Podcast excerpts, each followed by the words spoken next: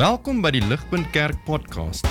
As Ligpunt Gemeente is dit ons begeerte om God te verheerlik deur disippels te wees wat disippels maak en 'n kerk te wees wat kerke plant.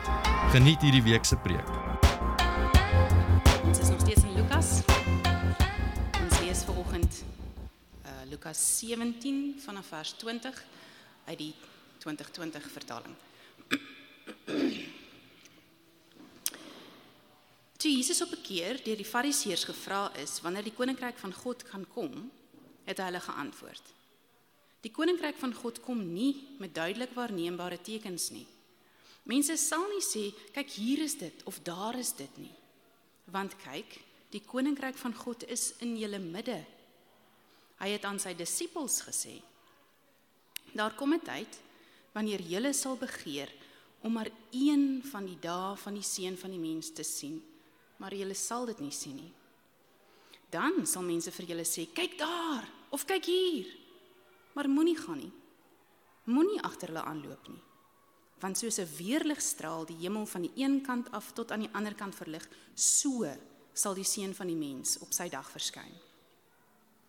Maar eers moet hy baie lyding verduur en deur hierdie geslag verwerp word.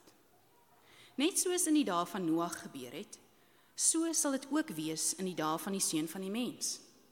Hulle het geëet, gedrink, in die huwelik getree en die huwelik uitgegee tot op die dag dat Noag die ark binne gegaan het en die vloed gekom het en almal vernietig het. Net so het dit ook in die dae van Lot gegaan. Hulle het geëet, gedrink, gekoop, verkoop, geplant en gebou, maar op die dag dat Lot uit Sodom weggetrek het, het daar vuur en swaal uit die hemel gereën en almal vernietig. Dit sal net so wees op die dag wanneer die seun van die mens geopenbaar word. Wie op daardie dag op die dakstoep sal wees met sy besittings nog in die huis, moenie onder toe gaan en dit gaan haal nie.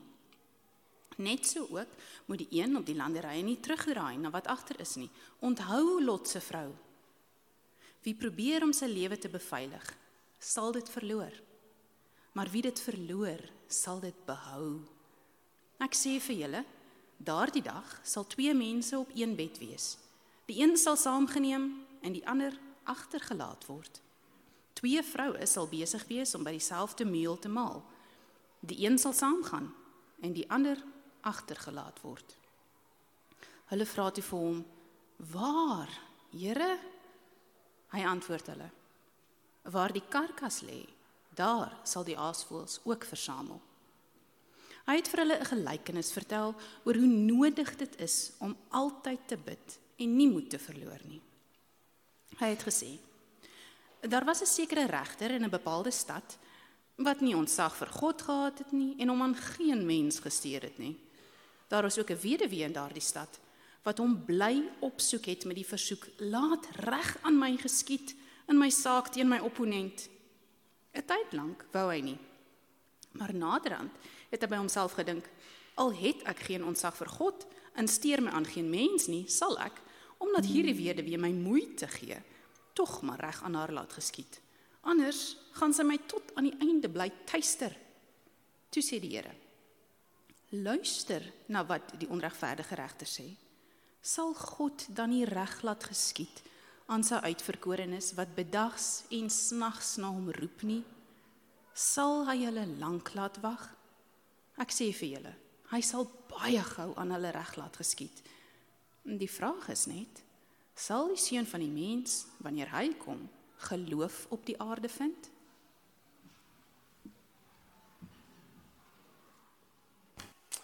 Goeiemôre Ligpunt. Dit is goed om saam met julle te wees. Weer eens hier vanoggend soos lof gesê, dit is darem lekker soos wat die seisoene besig is om te draai. Dit is lekker om al die kortbroeke te sien uh in ons midde. Ehm um, as jy vandag die eerste keer hier is, wil ek ook vir jou by die uh besonders welkom sê by ons. Uh soos genoem is, is ons besig met hierdie reeks in eintlik in Lukas hoofstuk 9 tot 19 in hierdie gedeelte soos wat Jesus uh besig is om na Jerusalem toe te stap deur uh, Samaria. Uh, ons reeks is getiteld uh, Volgelinge van Jesus. Soos wat ons probeer saam dink, wat beteken dit om 'n Christen te wees? Maar daai woord is baie keer so 'n bietjie de mekaar vir ons. So ons probeer saam dink, wat is daardie kenmerke van disippels van Jesus of volgelinge van Jesus? En so dit is wat ons mee besig is en Ons is so by die dink die tweede laaste van die gelykenisse in Lukas 9 tot 19 wat ons nog gaan kyk. Ek gaan in 'n oomblik van ons bid. Ek wil net gou wel vinnig want dit hou wel verband met volgens se teksgedeelte en preek wil ek ons almal net uitnooi na die 13de September toe. Volgende Woensdag aand het ons hier 13 September 'n gebedssamekoms. Vandag se gedeelte gaan oor gebed en so ek noem dit aan die begin sodat ons 'n bietjie daardeur kan dink en ook aan die uh, ons sal aan die einde van vandag ook weer 'n aankondiging oor dit doen. Maar ons het die 13de September volgende Woensdag aand 'n gebedssamekoms, maar dit gaan anders te wees as ons gewone gebedssamekomste. Uh, ge, uh, uh, uh want wat ons gaan probeer doen is ons gaan beide saam bid, maar ons gaan ook saam sing. En daai twee selfs in die psalms gaan so hand aan hand. Gebede is gesang baie keer en gesang is gebed. En wat ons gaan doen volgende week is ons gaan hier bymekaar kom. Ons stop al ons ligpunt gesinne volgende week sodat ons almal kan saamkom in 'n tyd van aanbidding kan saam hê. Ons beide in gesang uh, gaan saam die Here aanbid en dan ook saam bid soos wat ons uitroep na hom toe in ons eie lewens en ons kerk se lewens en vir ons land. Kan ek jou aanspoor kom? Dit gaan goed wees. Bring jou kinders saam. Dit is 'n gaan 'n besonderse tyd saam wees. Kom ek bid vir ons vriende en dan spring ons in in hierdie gedeelte waar Jesus ons juis wil aanspoor ook tot gebed. Kom ons sluit die oë saam. Kom raak voor stil saam met my.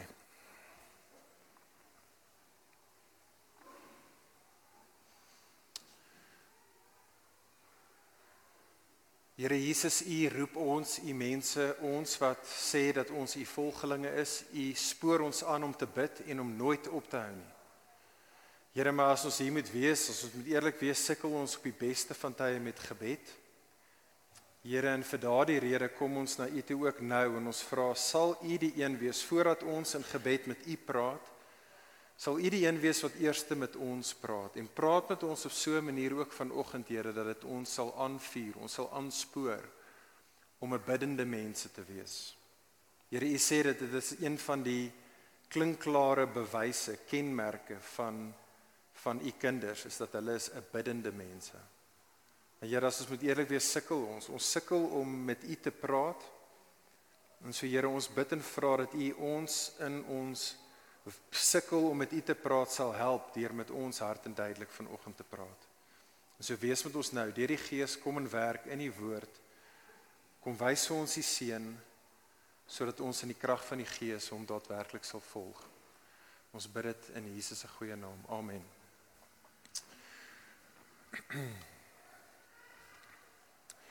Vriende, ek is seker julle sal met my saamstem dat seker een van die mooiste populêre liedere wat al ooit gepen was daar buite was um, Simon en Garfunkel se bekende lied um, Sound of Silence. Dis baie van die ouens wat dink wie Simon en Garfunkel. Ehm um, maar dan ken jy dalk teen teen in die heavy metal version van Sound of Silence wat so 'n paar jaar gelede uitgekom het. Daai lied, vriende, begin natuurlik met treffende bekende woorde. Eerste liede, ek gaan dit nie sing nie, maar daai eerste woorde van Sound of Silence begin met die woorde Hello darkness my old friend. En en ek wonder of jy bewus is daarvan met daai woorde kom eintlik uit die Bybel uit. Het jy dit geweet? Daai eerste lyntjie van die lied Sound of Silence, Hello darkness my old friend, kom uit Psalm 88 uit. Dit is die laaste lyn in Psalm 88. Psalm 88 is een van daai psalms wat jy baie min gehoor gepreek gaan word in 'n kerk want dit is seker een van die donkerste psalms wat ons het in die hele Psalter. Die psalmskrywer, hierdie gelowige, beskryf reg deur die psalm sy pyn, sy lyding, sy swaar kry. Hy sê nie vir ons presies wat dit is nie, maar hy beskryf dit as volg. Hierdie is alles die beskrywing van die gelowige se swaar kry. Hy verwys na hoe sy siel gevul is met teëspoed. Hy beskryf in die Psalm hoe sy lewe raak aan die doderyk. Hy sonder krag. Hierdie gelowige beskryf hoe hy word vervreem van sy vriende, hy word vervolg deur sy vyande en dan reg deur die Psalm is die Psalm 'n gebed. En reg deur hierdie Psalm is hierdie gelowige wat so swaar kry is besig om uit te roep na God. Toe kyk saam met my oor en oor in die Psalm hoe hierdie gelowige in gebed uitroep tot God. Vers 1 en 2, dis hoe dit begin. O Lord, God of my salvation, I cry out. I cry out day and night before you. Let my prayer come before you. Incline your ear to my cry. Kyk na vers 9. Every day, nie nou en dan nie. Every day I call upon you, O Lord. I spread out my hands to you. Kyk na vers 13. But I, O Lord, I cry to you in the morning my prayer comes before you. Met ander woorde, hier het jy die gelowige, die gelowige trek swaar, die gelowige doen die regte ding. Die gelowige roep uit oor en oor en oor, keer op keer. Nie net praat nice nie, roep uit. Huil by die Here. Here red my, Here red my, Here help my. Hoe reageer God in die Psalm? Wel in die woorde van Simon en Garfunkel, al wat die psalmskrywer terughoor is the sound of silence. Kyk saam met my vers 14.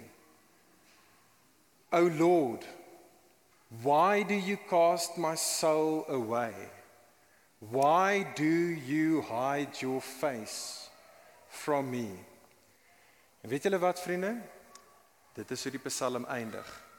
Dis hoe dit eindig. Daar's geen geen happy ending in die in die Psalm nie.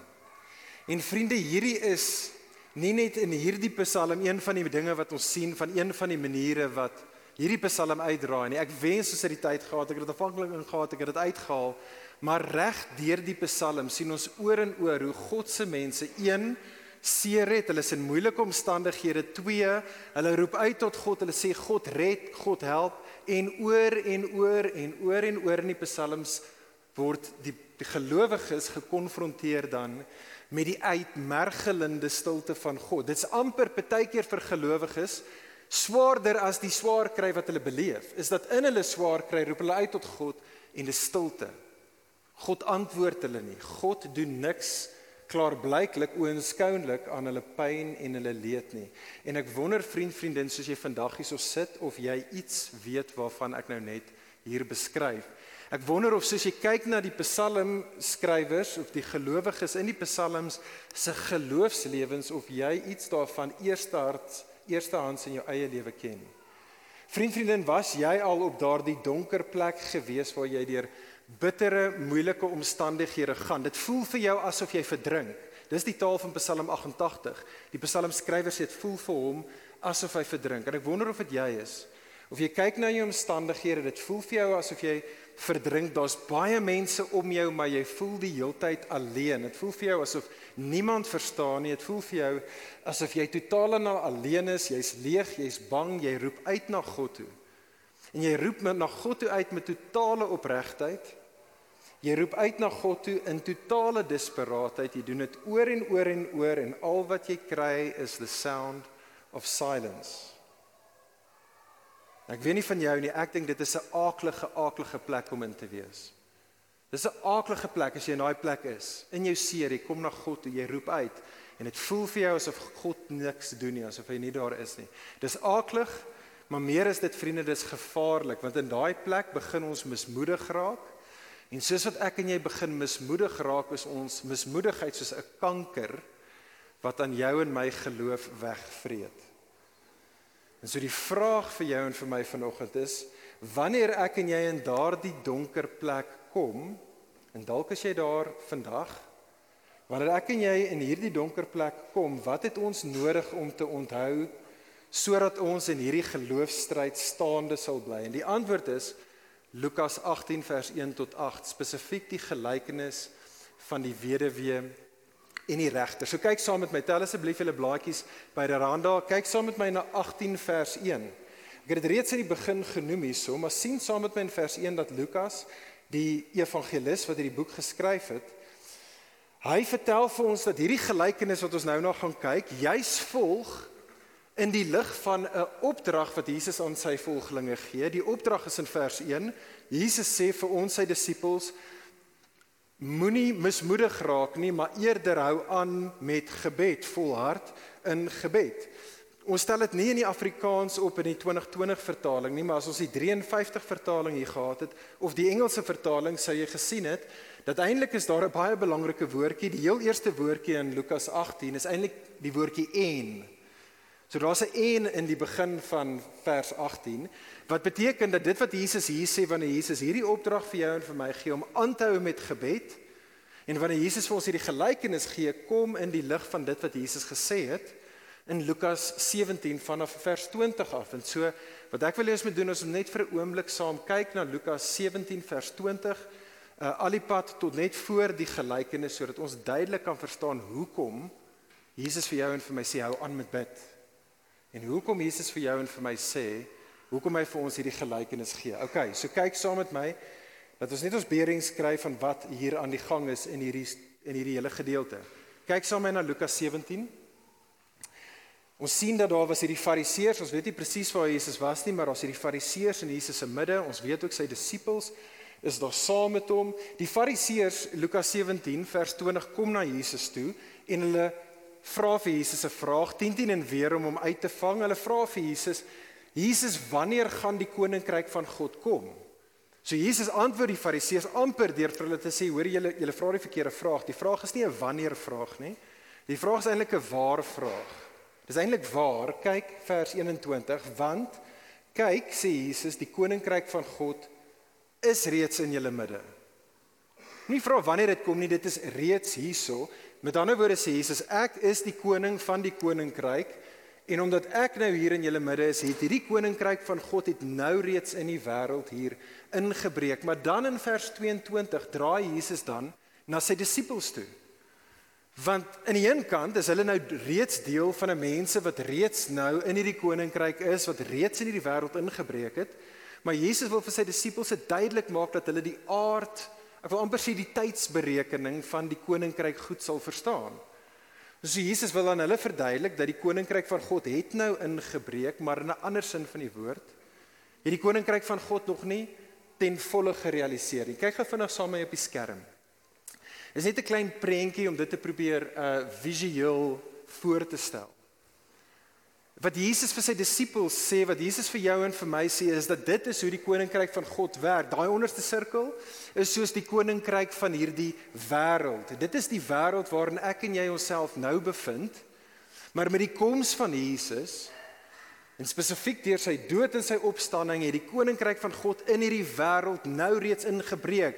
Daar's soos hierdie oorgang, hierdie overlap tussen hierdie koninkryk en daardie koninkryk. Ons bevind onsself nou as 'n mense as gelowiges, let wel, in die oorgang, in die overlap tussen hierdie twee bedelings, tussen hierdie twee koninkryke. En dit is wat Jesus hierso sê. Kyk saam met my daar in die teksgedeelte vers 23. Daar gaan 'n tyd kom, sê Jesus, wanneer sy disippels gaan uitsien na nog 'n dag van die seun van die mens, hierdie volle realisering van die koninkryk van God. Maar dit is nie nou reeds hemel op aarde nie.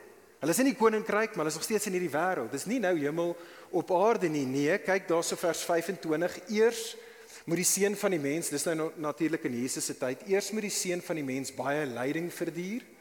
Hy moet deur hierdie geslag verwerp word en per implikasie is dit eintlik wat Jesus daarmee sê, so vir hom, so ook vir sy volgelinge. Sy volgelinge wat nou reeds in die koninkryk van God is, wat nou ook in hierdie koninkryk van hierdie wêreld ook is, is ook 'n mense wat nou in 'n gebroke wêreld nog steeds is en 'n mense wat in 'n goddelose aanvallige wêreld nog steeds is. Jesus se disippels nou, ek en jy nou is 'n mense wat in die hier en nou ken ons vervolging, ons ken verdrukking, ons ken verwerping, ons ken versoeking en ons ken verlies. En hier is die waarskuwing vir mense soos ek en jy, gelowiges wat in die koninkryk is, maar ook tergelykertyd in die koninkryk van die wêreld is waar hierdie shots links en regs heeltyd om en in ons aan die skiet is. Hierdie is die waarskuwing. Jesus sê vir sy volgelinge nie al sy volgelinge in hierdie wêreld gaan die stryd weerstaan nie. Party gaan, kyk na vers 32. Party gaan soos Lot se vrou opeindig. Party gaan in die spanning daarvan, in die stryd gaan hulle die geloofshanddoek ingooi. Hulle gaan hulle rug draai op die koninkryk van God en hulle gaan sê dis net te hard, dis net te moeilik en hulle gaan die koninkryk van die wêreld kies in steede van die koninkryk van God en die vraag dan vir jou en vir my is wat gaan Jesus se volgelinge in hierdie gevaarlike oorvleelende tyd waarin ons osself bevind wat gaan ons staande laat bly? Wat gaan maak dat ek en jy nie soos Lot se vrou opeindig nie? Die antwoord is Lukas 18 vers 1 gebed. Gebed is die ding wat ons staande gaan hou te midde van die stryd tussen die koninkryk van God en die koninkryk van die wêreld waarin ons ter gelykheid onsself bevind. Dit vriende is die oogmerk van Jesus se gelykenis. En so Jesus wil vir ons sy disippels aanspoor om op hierdie manier die geestelike stryd te voer. En dit is vir jou en vir my om 'n biddende mense te wees om te volhard in gebed selfs en juis wanneer dit vir ons voel dat God stil is. As dit vir jou voel asof God stil is en jy sukkel om te bid, is die grootste en belangrikste ding wat ek en jy moet doen is ons moet 'n biddende mense wees. En om ons aan te spoor tot dit is daar twee waarhede in die res van die gedeelte Lukas 18 vers 1 tot 8 of 2 tot 8. Is daar twee waarhede wat Jesus vir jou en vir my voor oë wil hou wat ons sal aanspoor om te volhard in gebed. Kyk saam met my, hier's die eerste waarheid. Jy sal dit ook op die skerm sien. Jesus sê vir jou en vir my vanoggend, gelowige volgeling van volgeling van my, volhard in gebed eerstens deur te onthou wie God is. Volhard in gebed deur te onthou wie God is vers In vers 8 so tel weer die die die die, die teksgedeelte op. Kom ons kyk gefvinnig daarna Jesus se storie. Die storie wat Jesus hier vertel, vriende, is 'n baie kort storie. Dit is eintlik 'n baie eenvoudige storie en die storie is eenvoudig want ons net twee karakters in die storie. En Jesus baie duidelik in die minste van woorde vertel vir ons en beskryf aan ons hierdie twee karakters. Kyk sommer daar in vers 2. Eerstens is daar hierdie regter in 'n sekere bepaalde stad sê Jesus en hy die staanspoor uit wil Jesus hê dat ek en jy moet verstaan dat hierdie regter is 'n goddelose mens. OK, jy moet dit nie mis nie. Jesus sê vir ons daar, hierdie ou het geen ontzag vir God nie. Hy steur hom nie aan mense nie. Hy's 'n skirminkel van 'n regter. Hy's sommer 'n slegte ou. Hy's so tipies soos die regters en die leiers van baie kere van hierdie wêreld wat ek en jy so goed ken. En dan is daar die tweede karakter in Jesus se kort storie. Kyk ons sommer in vers 13, daar's ook 'n weduwee in die einste stad. Nou Jesus vertel vir ons nie te veel van hierdie weduwee nie. Al wat ek en jy weet is dat daar's een of ander onreg wat teen haar gepleeg was. So daar's een of ander injustice wat sy ondergaan het. En dis baie duidelik in die storie wat ons tussen die lyne lees, sy is diep behoeftig. En dit dan hierdie twee karakters gee dan vir jou en vir my die dubbele krisis wat as dit ware die spanning in die storie by ons te behoort op te bring.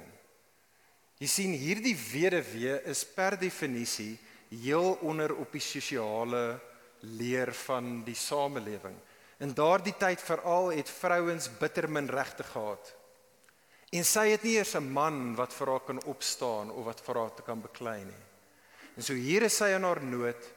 Niemand kan haar help nie. Sy kan nie haarself help nie. Sy is totaal en al behoeftig en die een persoon in haar hele wêreldjie wat 'n verskil kan maak, is hierdie skerminkel van 'n dodgy ou wat nie 'n saak het met haar of om die regte ding te doen nie.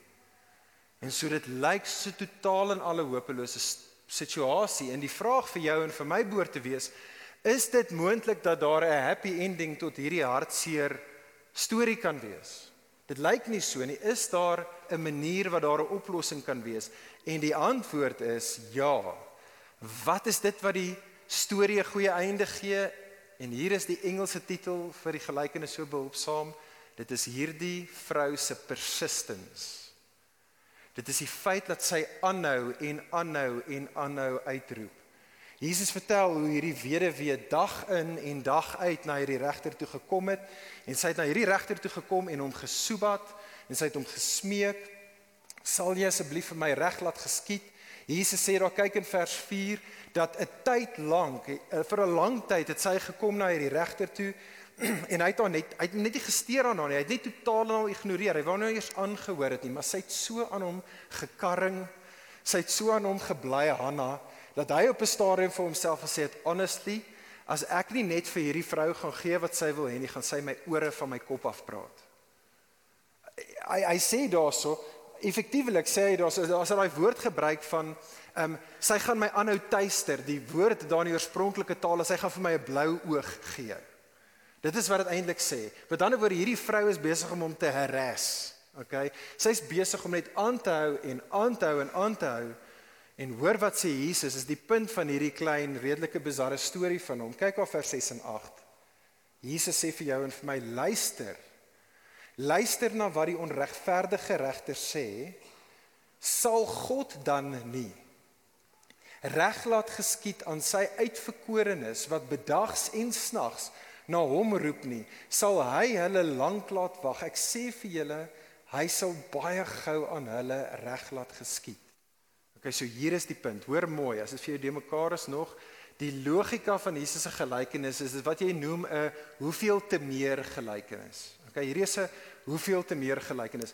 Kyk saam met daan vers 7 na die woordjie uitverkorenes. Ek dink meeste van ons as ons die woord uitverkorene hoor of in Engels die woord elect of election, dan is dit vir ons so 'n bietjie van 'n koue teologiese woord wat al die verkeerde idees by ons baie kere opbring. Nou weer eens as ons die tyd gehad het, sou ek graag vir ons wou wys en dit is treffend. Gaan doen dit as 'n Bybelstudie in die volgende week. Gaan kyk elke keer in die Ou en in die Nuwe Testament waar ons die woord elect of uitverkore of God wat 'n mense kies sien. Elke keer, amper elke keer. In dieselfde sin is dit duidelik dat dit verwys na God se liefde. Dit verwys na die feit dat God hierdie mense so kosbaar ag. Dit is dit is soos 'n man wat wanneer hy lief is vir 'n vrou sê, Hy kies om in 'n verbondsverhouding met haar te wees. Dis die idee van om God se uitverkorenes te wees. Om om God se uitverkorenes te wees is net 'n ander manier om te sê God se geliefdes. En dit is dan die punt, hoor mooi, dit is die punt van die gelykenis. Wat Jesus deur hierdie storie vir jou en vir my vertel vandag vriende is dat as hierdie goddelose regter hierdie totale hierdie liefde bankrot weduwee se aanhoudende smeekgebede of smeek smekinge aangehoor het hoeveel te meer sal God dan die God wat presies die teenoorgestelde is as daardie terrible regter hy is 'n goeie regter. Hy's 'n regter vol van geregtigheid. Hy's 'n regter wat geduld het. Hy's 'n hy's 'n regter wat genade betoon. Hoeveel te meer sal hy nie dan die smeekgebede aanhoor van sy geliefdes nie? Hulle wat soveel soveel meer as hierdie vrou in die storie is. Hulle is sy hulle is sy kosbare kinders. Hulle is sy mense. Hy's lief vir hulle. Hoeveel te meer sal hy nie hulle gebede aanhoor nie? En vriende, ek en jy het nodig om hierdie waarheid te hoor en jy moet fight vir jou hart om dit te glo want ek dink nie dit kom vir ons natuurlik om hierdie eenvoudige waarhede te glo en hierdie is die moeilike ding dink ek vir ons. Met ons koppe as ek vandag hierso sê God is goed.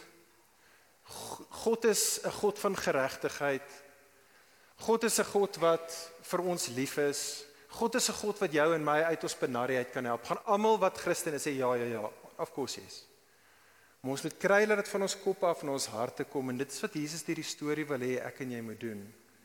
En so ek vra jou weer soos ek in die begin gevra het, vriend vriendin, het jy nodig om vandag hierdie met jou hart te kies om dit te glo.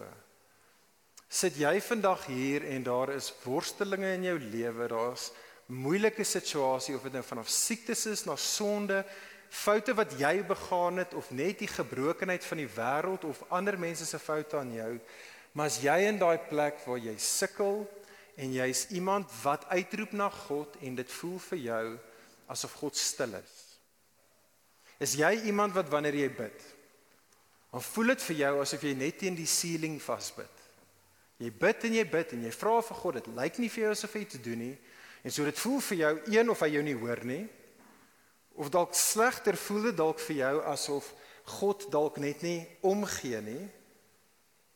Of dalk selfs erger is dit, begin jy wonder dalk is God net nie daar nie. Dalk is die rede hoekom dit so stil is is want God is bloot eenvoudig net nie daar nie. Vriend, vriendin, is dit moontlik jy is jy iemand wat op 'n stadium in gebed in jou pyn en jou seer na God toe gekom het? En jy het op 'n stadium vol hoop gekom en jy het gebid tot God in met volle hoop dat hierdie God gaan jou aanhoor en hy het jou nie aangehoor op die manier wat jy gehoop het of op die tyd wat jy gehoop het nie. En jou hoop is besig of jou hoop het oorgegaan in 'n angs in en daai angs wat jy begin beleef het het oorgegaan in 'n tipe van 'n frustrasie in. En daai frustrasie wat jy in die stilte ervaar het begin oorgaan in 'n tipe van 'n woede teenoor God in en dalk is jy al op daai punt waar die woede teenoor God jy's nie jy's nie jy's nie eers meer kwaad nie jy's net eintlik totaal en al mismoedig en jy's baie naby aan die punt van ongeloof Is dit moontlik jy? As dit jy is gelowige, eerste ding vir jou en vir my vandag om te verstaan is besef dit jy is nie alleen nie. Dis die wonderlike ding van die psalms. Dit is nog altyd God se mense, die kinders van hom wat getrou is aan hom, se ervaring dat in die midde van hulle pyn en seer hulle baie kere voel asof hulle net die stilte van God ontvang. Jy's nie alleen nie. Besef dit dat jou ervaring is die normale ervaring van God se kinders. Daar's niks fout met jou nie. Die fout lê eerder by jou en my verkeerde verwagtinge. Omdat ons heeltemal onderskat hoe intens en hoe moeilik en baie keer hoe lank die geestelike stryd duur hier in hierdie overlap tussen die twee koninkryke. Ons grootste probleem is nie noodwendig of as iets fout met God of iets met my nie, maar dit is ons heeltemal ons verwagting van eintlik hoe ernstig die stryd en hoe intens die stryd behoort te wees. En so kan ek jou aanspoor, kan Jesus jou aanspoor vandag met die woorde van Lukas 18 vers 1. Jesus sê vir jou vandag as dit jy is, gelowige, moenie moed verloor nie. Volhard in gebed, juis in die stilte En hierdie is hoe ek en jy gaan volhard. Ons volhard deur te onthou wie God is en per implikasie om te onthou wie ek en jy in verhouding met God is. En so kan ek 'n beroep op jou doen.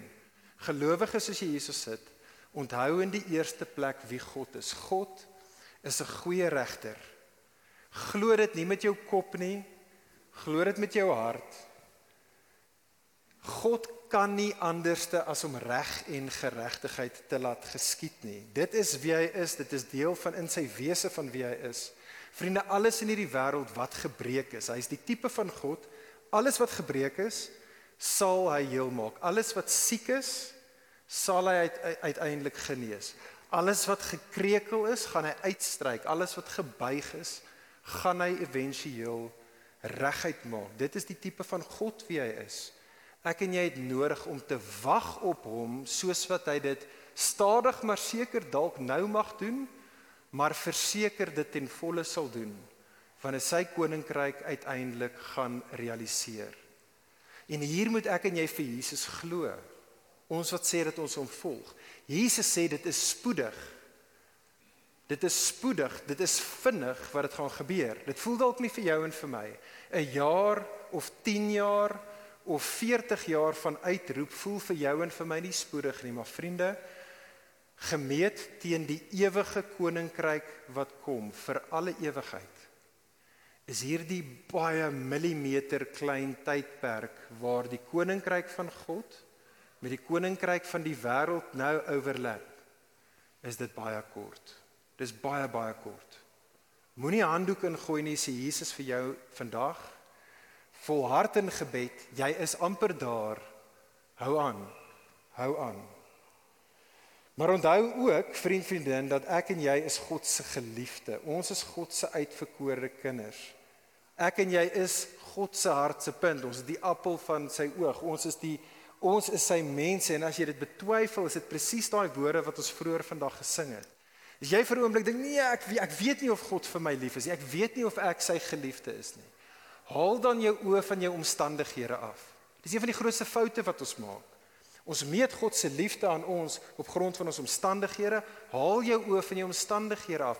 Haal jou oë van jouself af en kyk na Jesus.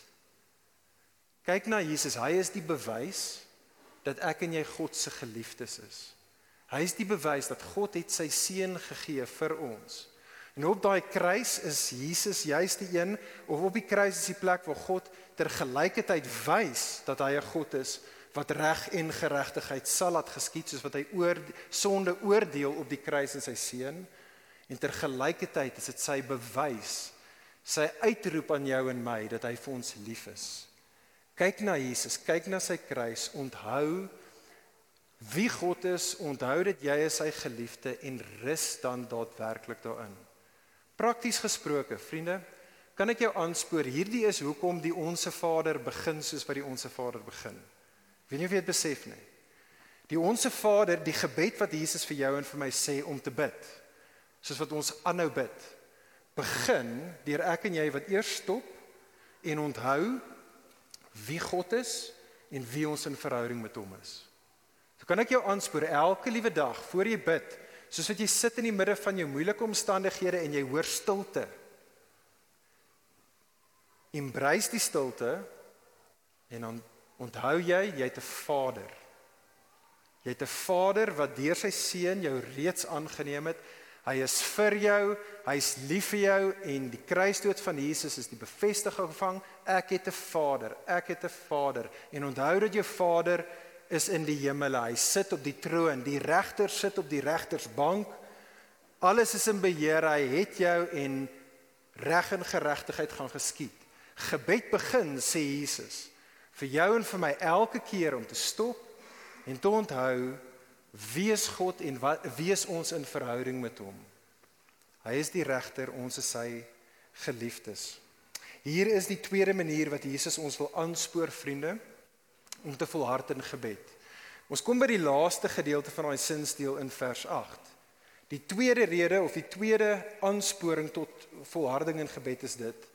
Jesus sê vir ons volhard in gebed deur te onthou wat gebed is. So eerstens volhard in gebed deur te onthou wie God is, maar tweedens volhard in gebed deur te onthou wat gebed is.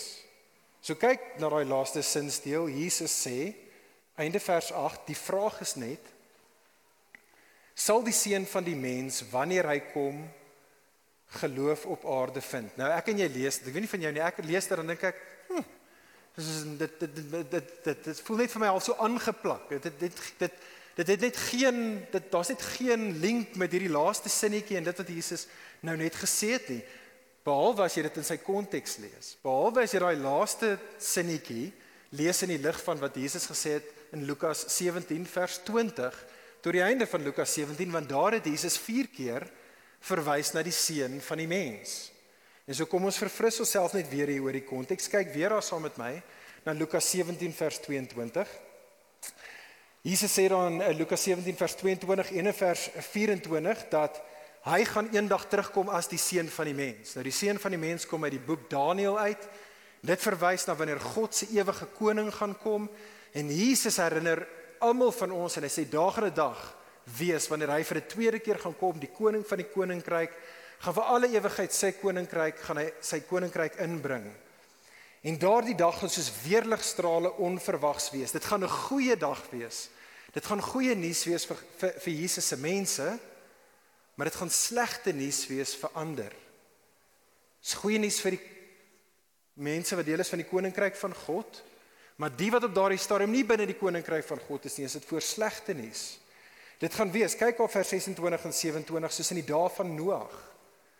Dit gaan wees soos in die dae van Lot.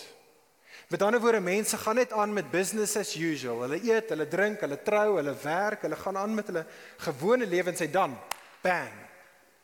Dan gaan die seun van die mens gaan hy verskyn, hy gaan geopenbaar word en sê Jesus gaan die koring van die kaf geskei word op daardie dag. Kyk vers 34 en 35. Daar gaan op daardie dag onderskeid getref word tussen die burgers van die koninkryk van die wêreld en die burgers van die koninkryk van God, selfs binne in 'n huwelik. sien jy hoe Jesus dit sê in dieselfde bed die man en die vrou. Een gaan gehaal word en een gaan een gaan agtergelaat word en een gaan saamgeneem word. Selfs by die werk die een nou wat Jesus sit by die tafel gaan saamgeneem word een gaan agtergelaat word. Die vraag is dan op grond waarvan? Wat is die kriteria? Wat is die ding waarop Wat is die ding op grond waarvan gaan party geoordeel word op daardie dag en ander die oordeel vryspring? Jesus gee vir ons die antwoord. En ek dink een van die skerieste verse in die hele Bybel. Kyk vers 37. Waar die karkas lê, daar sal die aasvoëls ook versamel. Met ander woorde, hoor mooi wat Jesus sê, Die wat geestelik dood is, wat geen geestelike lewensasem het nie, sal onder die oordeel van God val. En dit is dan die logika wat Lukas 18 vers 1 met 18 vers 8 verbind. Jesus roep sy volgelinge om te volhard in gebed. Hoor mooi, vriende, want gebed is geloof. Dit is wat gebed is. Ge gebed is geloof wat gesien word. Gebed is geloof wat gehoor word. Gebed is geloof wat uitgeleef word. Juis vir mense wat in die midde van hierdie moeilike wêreld in hulle in die spervuur tussen hierdie twee koninkryke hulle self bevind. Dink saam met my aan jou eie asemhaling. Dink aan jou asemhaling. As ek vir jou moet vra vandag hierso, wat is die verwantskap tussen jou asemhaling en jou lewe? Dan sal jy my antwoord en jy sal vir my sê, "Poen, my asemhaling is beide die bron van my lewe. As ek nie asemhaal nie, sterf ek. Die asemhaling is beide die bron van my lewe en dit is ook die bewys van my lewe. Ek het 'n puls. Ek lewe nog. En so vriend vriendin is die verwantskap tussen gebed en geloof. Gebed is daardie lewensasem wat beide die bron as ook die bewys van 'n lewende geloof is. So hoor asseblief tog mooi. My my intensie is nie vandag om ons almal op 'n guilt trip te sit nie. Die realiteit is dat elkeen van ons, almal van ons Daar's nie een van ons in hierdie vertrek en nie een gelowige op aarde wat nie meer kan bid, nie kan groei in ons gebed saam met God nie. Die idee is nie om net op 'n boksie tik werksgodsdiens manier nou ewe skielik te probeer shape en te bid sodat jy jy weet 'n 'n geestelike puls kan fake nie. Dit is nie die punt nie. Jesus se punt is eerder dit. Hoor weer eens vriende, soos wanneer jy in 'n hospitaal is. Kom ons sê jy sit in die hospitaal en jy's juis daar want jy sukkel met jou gesondheid. Wat sê die dokter vir jou? Hulle gaan teen teen vir jou baie dinge sê, maar die een ding wat die dokter vir jou gaan sê is hy gaan sê haal diep asem. Haal diep asem en hou aan om diep asem te haal. So vriende is Jesus in hierdie gelykenis besig om vir jou en vir my te sê brose gelowige siek gelowige, jy's hier in die uur van jou nood. Jy's nou wanneer dit vir jou voel dat jy wil ophou asemhaal, jy wil ophou bid. Soos wat jou geloof wegkwyn, jy's nou, Jesus sê vir jou haal asem, hou aan met asemhaal, hou aan volhard in gebed. Dit is die God gegeewe manier wat jou geloof nie wegkwyn nie. Dit is die Godgegewe manier wat jy gaan aanhou om asem te haal en sê Jesus wanneer ek eendag terugkom om geloof te identifiseer gaan ek die gelowiges identifiseer baie eenvoudig as die biddendes. Die wat aangehou het asem gehaal het geestelik gesproke want Lukas 17 vers 22 want sien jy daarso 17 vers 22 die ware gelowiges sal deurgangs die seën van die mens se wederkoms begeer. Hulle begeer dit want hulle het nuwe lewe in hulle. En so hulle is 'n mens soos nou net gebid het. Wat nie anders te kan nie. Hulle sê kom Here Jesus, kom Here Jesus, kom. En so ek sluit hiermee af. Vriende, Jesus roep elkeen van ons vandag. Jesus roep jou en Jesus roep vir my. Hy roep vir ons as 'n gemeente om te volhard in gebed. Jesus spoor ons aan om te volhard in gebed en hy sê volhard in gebed eerstens soos wat jy onthou wie God is. Hy is die regter en hy is jou liefdevolle Vader. Jesus sê volhard in gebed soos wat jy onthou dat gebed is beide die bron en dit is die bewys van jou en my geloof. Maar vriende, daar's 'n verdere rede. Daar's 'n verdere rede hoekom ek en jy aangespoor kan wees om te volhard in gebed. En dit is dat die einste Jesus wat jou en my roep om aan te hou te bid, daardie einste Jesus het daai einste geloofspad gestap. Dit wat dit beteken om 'n volgeling te wees. Ons volg hierdie Jesus op die pad wat hy gestap het. En net hierna, net na Lukas 18, gaan hierdie Jesus nou in Jerusalem instap. En dan net na 'n paar dae in Jerusalem gaan hy die aand voor sy kruisiging in sy donker uur gaan hy in die tuin van Getsemane wees. En hy gaan totaal God verlate voel. En Jesus het volhard in gebed. En hy het deur sy gebed gekom selfs tot die kruis. En daar op die kruis het Jesus wat uitgeroep, hy het gesê die woorde van Psalm 22 vers 2 het gesê my God, my God, waarom het U my verlaat? Kyk gou sommer op die skerm. Ons ons lees baie keer nooit verby daai versie, Psalm 22 vers 22. Dis nog steeds deel van dieselfde vers. Psalm 22 vers 2 en 3. Hierdie is wat Jesus as dit ware uitroep op die kruis. My God, my God, waarom het U my verlaat? Waarom is U ver daarvan om my te verlos? Ver van die woorde wat ek uitskreeu. My God, ek roep bedags maar u antwoord nie.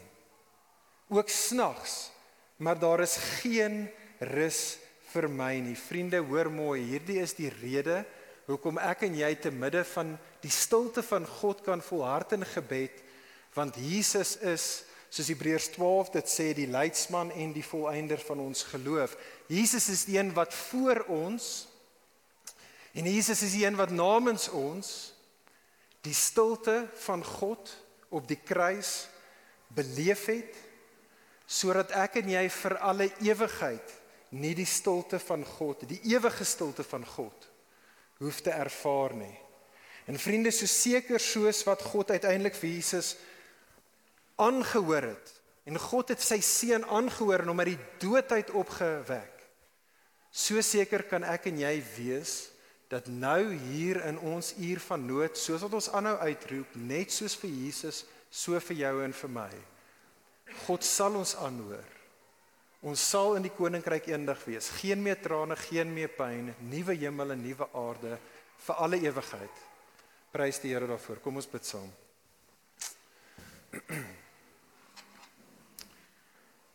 Vader, ons wil vir U loof en prys. Ons wil U loof en prys, Here, dat U nooit maar nooit ons nie hoor nie en ons wil U loof en prys dat U ons in U seun reeds geantwoord het en ons sien uit na die dag waar U volle antwoord ten volle sal realiseer. En so Vader, ons kyk na Jesus, ons kyk na hom en ons rus in hom soos wat ons hom volg. Amen. Vir meer inligting oor Ligpunt Kerk, besoek gerus ons webwerf op www.ligpunt.com of kontak ons gerus by info@ligpunt.com